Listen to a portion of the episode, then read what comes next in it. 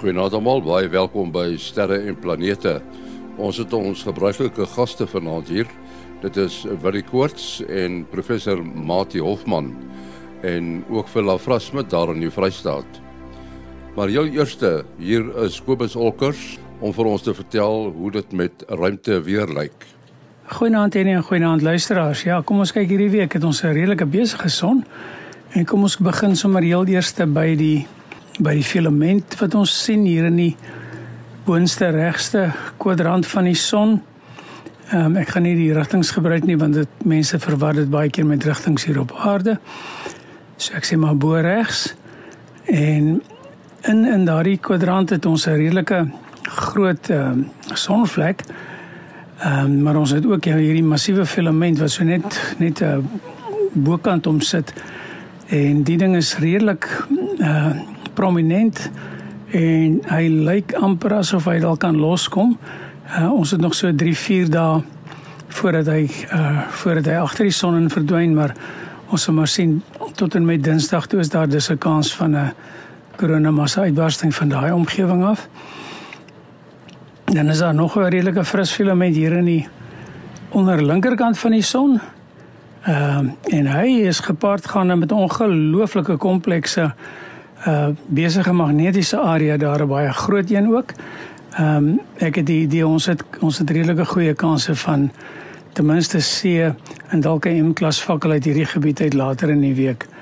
Ehm um, hy is nog nie heeltemal geo-effektief nie, maar ons ons kan al as hy ekstrale afskiet sal ons beslis daarvan weet.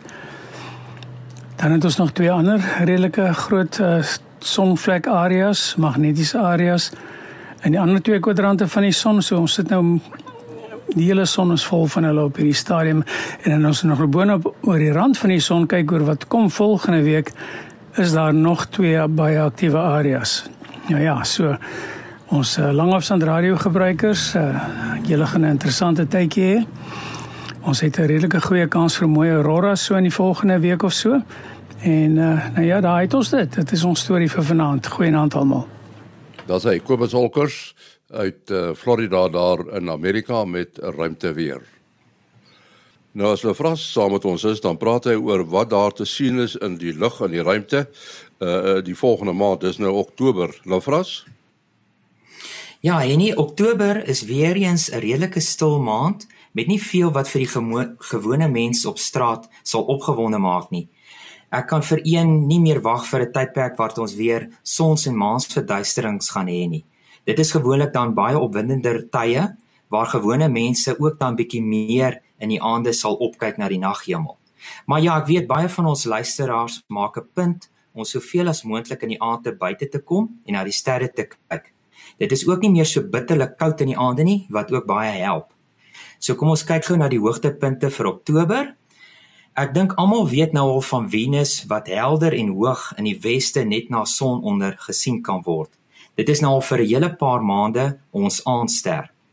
Draai jy oos, sit Jupiter ook al baie hoog bo die horison en ook so helder net soos Venus.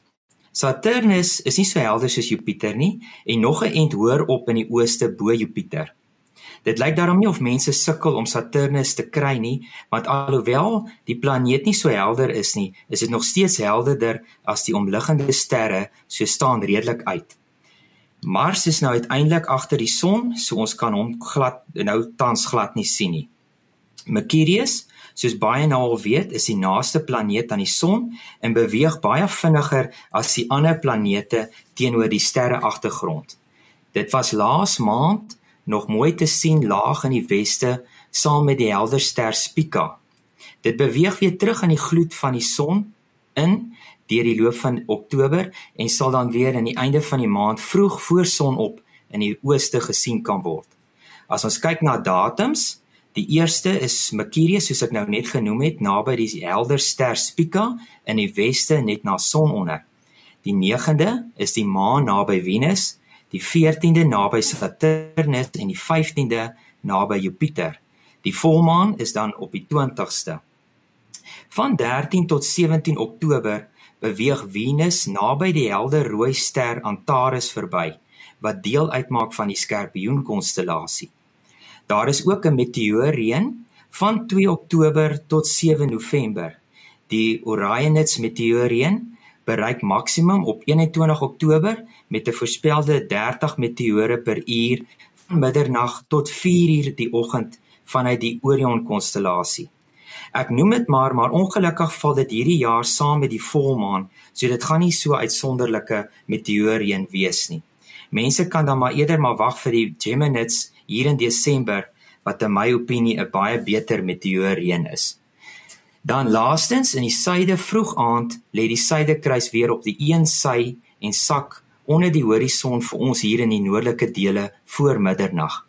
Hier by my in die noordelike Vrystaat kan mens nog vir uitkraks die basisster bly sien laag op die horison tot die suidekruis weer vroeg in die oggend opkom.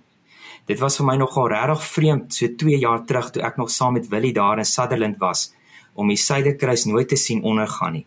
Die Kaapenaars is nou gewoond om altyd die suidekruis te sien, maar ons hierbo sien net die suidekruis of regop staan of op sy sye lê of glad nie.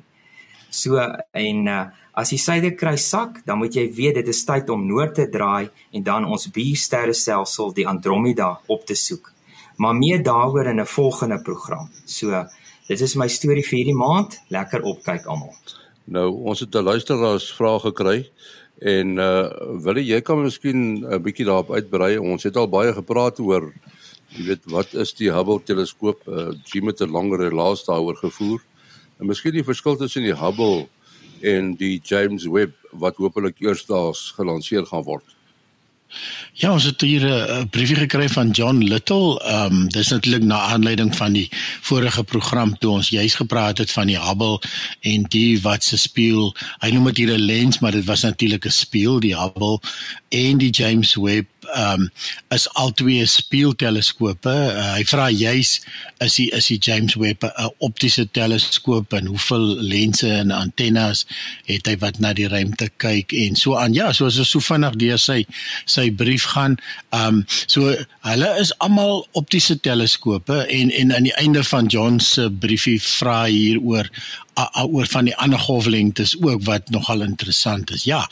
So die Hubble is is is 'n uh, tipiese optiese teleskoop uh, soos wat Lafras gebruik soos wat ons in in Sutherland het en en hulle werk hoofsaaklik aan die opties uh miskien tot die naby wat ons noem die naby infrarooi en omdat CCD's uh, uh gewoonlik nie so goed is in die blou uh, ligsensitief is in die blou golflengtes nie, ehm um, werk ons eintlik baie min na die na die violet se kant toe of die ultraviolet natuurlik wat deur die atmosfeer in elk geval afgesny word. So die ehm um, die James Webb is is 'n infrarooi teleskoop soos wat uh, Jim vir ons die vorige keer mooi verduidelik het en die rede ook daarvoor is omdat die James Webb gaan gaan kyk na die rooi verskywing van galaksies wat baie baie baie ver lê uh dat hulle heeltemal uit die optiese band uitgeskuif het hulle hulle rooi verskywing en dat dit in die infrarooi begin te uh, uh in beweeg.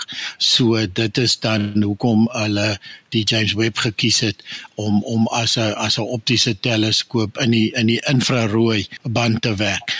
Um die die die groot verskil tussen die Hubble en die James Webb wat sy spieëls aanbetref is al twee reflektor teleskope is dat die Hubble het een 'n uh, uh, uh, spieël en hoofspieël is natuurlik nou sekondêre spieëls ook wat deel van die optiese pad is maar uh, die groot ding wat die lig versamel is een omtrent 100 duim as ek reg het onthou in die ou taal so ons trek net so oor die 2 meter uh, is die is die hoofspieël van die Hubble ruimteteleskoop die James Webb ek kan nie sy getal uit uit my kop uit onthou nie julle kan dalk help maar dis hier so rondom die 4 na 6 meter as ek dit reg onthou. En om dit binne in 'n vuurpyl te gepak te kry, uh um moet hulle die teleskoop opvou. En dis nogal iets wat um Jim nie laas keer so baie oor gepraat het nie, maar dis natuurlik 'n uh, heeltemal 'n 'n transformer soos wat die soos wat die speelgoed aanbetref. Uh, uh uh die die die teleskoop word uh, heeltemal opgevou en dan wanneer hy ontplooi dan ehm um, dan dan gaan sy hoofspieël gaan dan gaan dan so amper soos 'n blom oop oopvou en uh hierdie tennisbaan grootte dit is 'n skerm wat jy ook van gepraat het uh wat aan die onderkant van die teleskoop is van die sonkant van die teleskoop sodat die teleskoop dit in die skade weer gaan bly wat dat hy so baie gaan afkoel word ook uitgerol geontplooi. Daar's omtrent ek dink is oor die 100 bewegings wat moet uitgevoer word deur verskillende meganismes. So ons hou net sterk duime vas dat al hierdie goed gaan werk want uh, ons het laas keer gesien dat jy kan dit nie diens nie. Ja so uh, so die enigste antennes wat um, die James Webb op gaan hê is natuurlik die radio antennes um, wat die data aflaai aarde toe. So so James Webb doen niks uh in die in die an, uh, met antennes in die in die ruimte in nie. Hy vra of alles hier op die aarde getoets is. Ja, so ons het laas keer gesê die Hubble het hulle nooit as 'n een eenheid getoets nie en daar was praktiese redes daarvoor. Uh, so elke komponent op sy eie het hulle het hulle getoets. Ehm um, en en hulle het maar hulle het nooit gesamentlik dit byvoorbeeld na die sterre gewys nie want dit was eintlik nie prakties nie. Ehm um, en met die uh, uh, les wat hulle geleer het uit Hubble is die is die James Webb ehm um, uh, is is natuurlik heeltemal opties getoets.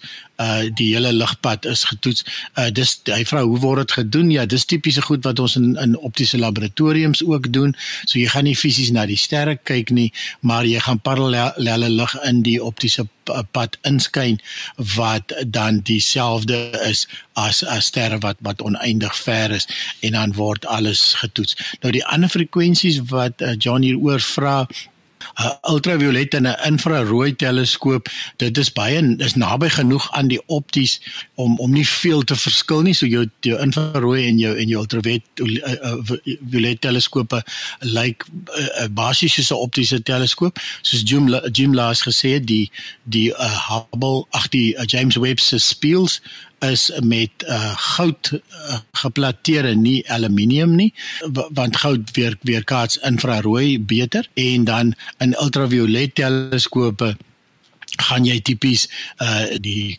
die uh, lagies wat op die spieël is die blinklagies gaan gaan dan geoptimaliseer optimiseer wees vir uh ultraviolet. Uh die enigste teleskope wat baie uh, interessant is is um uh die uh X-ray teleskope. Ehm um, nou omdat ekstrale ons weet dat ekstrale skyn deur alles. Ons weet van ekstrale wat jy neem van jou liggaam. Ek het vanoggend juis vir iemand gesê ons het ehm um, in die ou tyd het hulle het hulle sommer deur die gips het hulle jou ehm um, het hulle ekstrale geneem na so 'n paar uh, dae om te kyk of jou bene reg reg by mekaar sit en so aan. Nou daarom is ultra uh, is ekstraal teleskope het 'n probleem dat dat dat die dat die speel nie dit weer kaats nie. So dis 'n interessante uh, uh, stelsel maar maar op 'n baie hoë hoek, 'n baie skynshoek. Um kan kan 'n uh, ekstra wel weer kaats word deur basiese speel. En ehm um, so jou tipiese ekstra teleskope het ehm um, het het het sulke konsentriese ringe van speels uh sodat die lig baie skynshoek inkom op die speelval uh, uh geweerkaats word tot op 'n volgende uh, speelstel ring speel en daarvan af tot op 'n fokus. Uh ja, dit is altyd so interessant dat John Little uit al voorheen ook vir ons vrae ges, vrae gestuur en uh sy vrae handel nogal oor groot sake. Uh nou net om aan te sluit wat wat Willie gesê het, as 'n mens nou uh hy uh, vra onder andere maar wanneer hoe lyk die oorgang nou van optiese waarnemings en wanneer uh, radio waarnemings in die radiogolwe. Nou daardie oorgang is nou nogal interessant. Uh as ons nou byvoorbeeld net so tussen die sigbare lig uh deel van die spektrum en die radiogolwe kry ons die mikrogolwe. Nou mikrogolwe gebruik ons alledaags in die kombuis en uh in die mikrogolf oonde. En mikrogolwe se golflengte lê so by 'n sentimeter na 'n breekdeel van 'n sentimeter uh wat vir jou dan nou sê 'n millimeter of selfs submillimeter.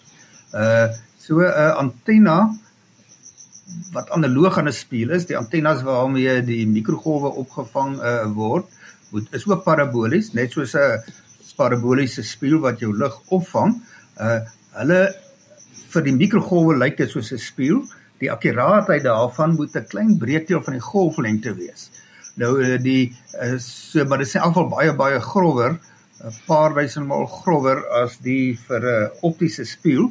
Uh wil jy sal my nou daar kan reghelp, maar ons praat van 'n breekdeel van 'n nanometer akkuraatheid wat jy nou 'n baie akkurate spieël te hê en 'n nanometer is uh ons kyk 'n miljoenste van 'n uh, van 'n millimeter. So dis uh so daar is nou 'n groot verskil. Die konsep is dieselfde van uh, met 'n paraboliese spieël of dan antenne in die geval van mikrogolwe en radiogolwe werk dit ook so en dan is die golflengte nou uh so 'n uh, breekdeel van 'n meter, 'n hele klompie sentimeters of baie meters. Uh so uh, jou radio antennes kan nou bietjie uh oppervlak hoef nie so akkuraat uh te wees nie. Maar ek dink 'n uh, belangrike verskil tussen hierdie uh verskillende soorte teleskope of dan detectors as jy hom so wil uh, wil noem in die geval van die mikrogolwe of die radiogolwe lê in jou sensor. In die geval van 'n optiese teleskoop wat dan nou die infrarooi en die ultraviolet uh, uh insluit, uh word daar 'n beeld gevorm op 'n optiese sensor soos wat ons in digitale kameras het. Nou net baie meer uh verfynd en uh en sensitief. Uh terwyl in die geval van die mikrogolwe en die radiogolwe is maar so 'n basies die konsep van antenna wat die elektromagnetiese uh golwe uh optelbewyse van elektrone wat deur die elektromagnetiese velde in die golwe uh versnel word en dan kan dit as 'n uh, elektriese puls opgetel word. Ja, dis dis interessant daardie. Nou terwyl ons oor teleskope praat, uh, ons het al in die program gesels oor uh die verskillende soorte, noem dit nou maar amateur teleskope. Daar's mos nou die sogenaamde LTAs en dan die ander ene is die ekwatoriale teleskoop. Uh wil jy miskien met jy net 'n bietjie gesels uh ek dink daar's baie mense wat wil weet hoe stel jy so 'n teleskoop op? Punt 1, punt 2. Watter een van die twee soorte is die beste? Uh ja, uh, ons kom ons kry baie dat mense by ons aankom en dan het hulle 'n teleskoop erns gekoop Ek het hier eendag 'n een ou gekry. Dit was nogal baie interessant. 'n Vreeslike kreatiewe uh, uh, persoon wat uh, toegang tot 'n werkswinkel het. En uh, en hy het toe uh, um, hier aangekom uh, en my 'n klompie vrae gevra oor die teleskoop se opstelling. Hy het hom al begin te gebruik tot 'n mate en uh, dit was 'n wat ons noem 'n ekwatoriale uh, uh, uh, stelsel. Ons kan nou nou 'n bietjie meer uitbrei daaroor, maar hoe dit ook al sê, 'n ekwatoriale stelsel word tipies opgestel volgens jou breedtegraad en ehm um, weer eens presies wat ons nou nou van gepraat het die verskil tussen die hoogte van die suidekruis uh, uh verder hoe verder noord jy gaan hoe nader is jy aan die ewenaar en dit wil sê die die die die pool waarom die aarde draai uh, in die hemel is dit alulaar as jy op die uh, op die ewenaar staan dan dan sit die twee pole die noorde en die suidpool sit dan presies horisontaal. Hoe dit ook al sê so en dan uh, in uh, in 'n uh, ekwatoriale teleskoop moet ook um presies noord-suid opgestel word. En uh um so die die persoon het toe nou die uh stelling vir jou breedtegraad het hy toe nou gebruik om die teleskoop van een punt na 'n ander te beheer. So dit was nogal 'n interessante storie en en toe moes ek nou 'n bietjie vir hom verduidelik. So die die alt S soos jy sê dit staan vir altitude azimuth en en dit is eintlik die maklikste teleskoop om te verstaan want hy werk soos 'n driepoot. So as jy jou kamera op jou driepoot neersit dan het jy tipies twee bewegings. Jy kan al in die ronde kyk en in kamera taal noem hulle dit pan. Jy kan jy kan links en regs kyk en dan kan jy op en af deur gewoonlik baie maal is daar so so handvatsel hier in die agterkant uh, uh wat jy net op en afdruk en die teleskoop kan dan van die horison tot tot bo kan jou kop kyk. En um en dit is dan presies soos soos 'n 'n altes teleskoop werk en is ook baie maklik om dit um te, te beheer. 'n Dobsonian uh, is een van die mees algemene teleskope uh, uh wat ook 'n altes teleskoop is, baie maklik om te beheer. Jy sit hom op die grond neer, hy het so 'n kas wat in die ronde kan draai en die teleskoop binne in hierdie kas kan die teleskoop op en af beweeg. En um en jy vat hom fisies by sy nek en jy terugkom in die rigting wat jy wil kyk. En uh want albei asse is is basies los. Um nou ekwatoriale teleskoop is is eintlik moeilik om oor die radio te verduidelik, maar soos ek reeds uh, al verwys het daarna dat jy het een as wat parallel is met die draaias van die aarde. So eintlik as jy daaromtrent dink die aarde is die hele tyd besig om te draai en om te kompenseer vir die draaiing van die aarde, want dit moet jy altyd doen. Mense wat tipiese alt-S teleskope gebruik het al uh of as jy op 'n sterrepartytjie was en jy deur ander teleskope gekyk, dan sal jy sien die persoon wat die teleskoop beman of bevrou, ek weet nie of daar so 'n term is nie, sal dan ehm um, sal dan elke keer kom kyk tussen mense. Sal die persoon ook ook gou-gou kyk en bietjie druk daar aan die teleskoop.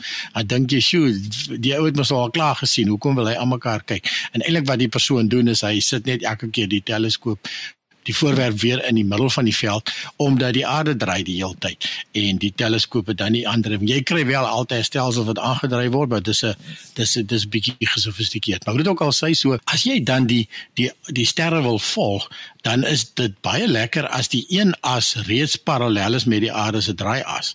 Want dan kan jy net daardie as in die teenoorgestelde rigting en teen dieselfde spoed draai uh die hele tyd en dan staan die sterre vir jou stil.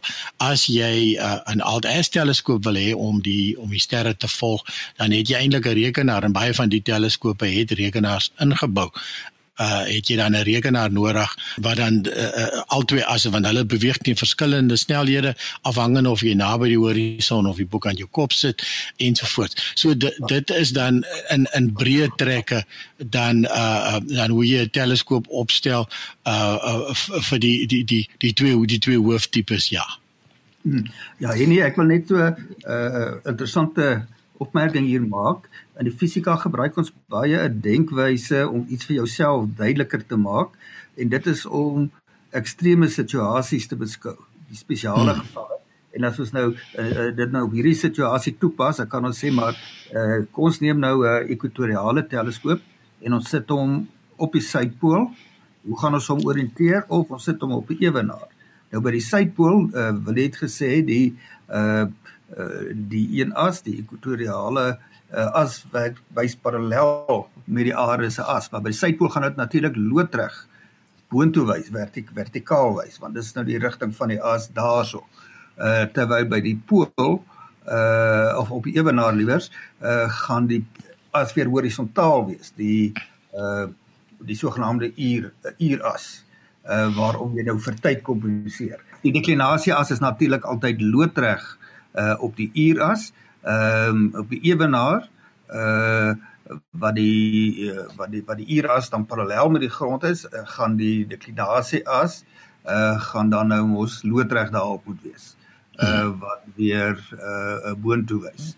Ehm um, as jy dit verander dan verander jy die breedtegraad of die sogenaamde deklinasie as jy nou in die sterrekundige se term uitdruk. Uh verander jy daardie hoek.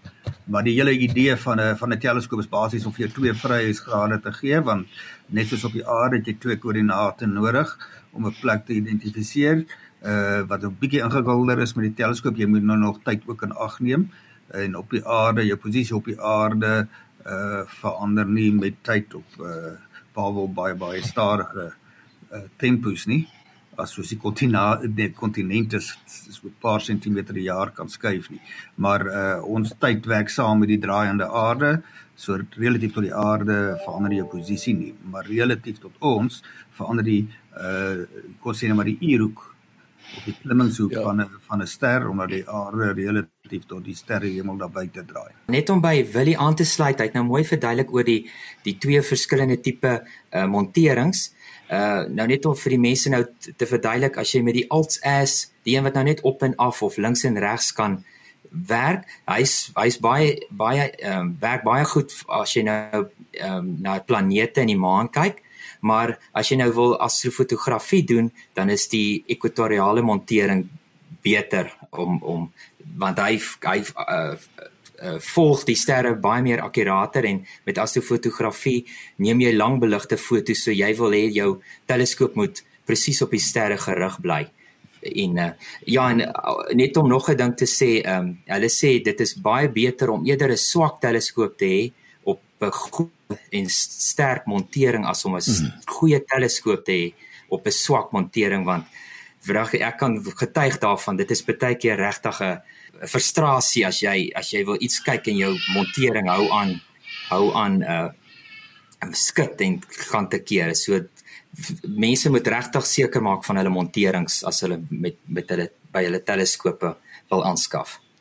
Ja, ek kan ek kan aansluit daar. My eerste teleskoop was maar baie wobbly geweest. En as jy as jy as jy uiteindelik ophou bewe, dan het die voorwerp net uit die veld uitgedryf, dan moet jy weer van voor af. ja. nou ons moet afsluit. Uh, Laat vra as jou besonderhede. Uh 076 704 2773. Dis 076 704 2773. Mati? 0836257154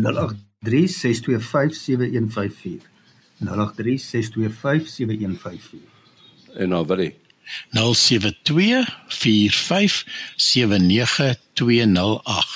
0724579208 En dan die e-pos adres van die program is sterreplanete@gmail.com sterreplanete@gmail.com Ons is volgende week terug. Tot dan. Alles van die beste.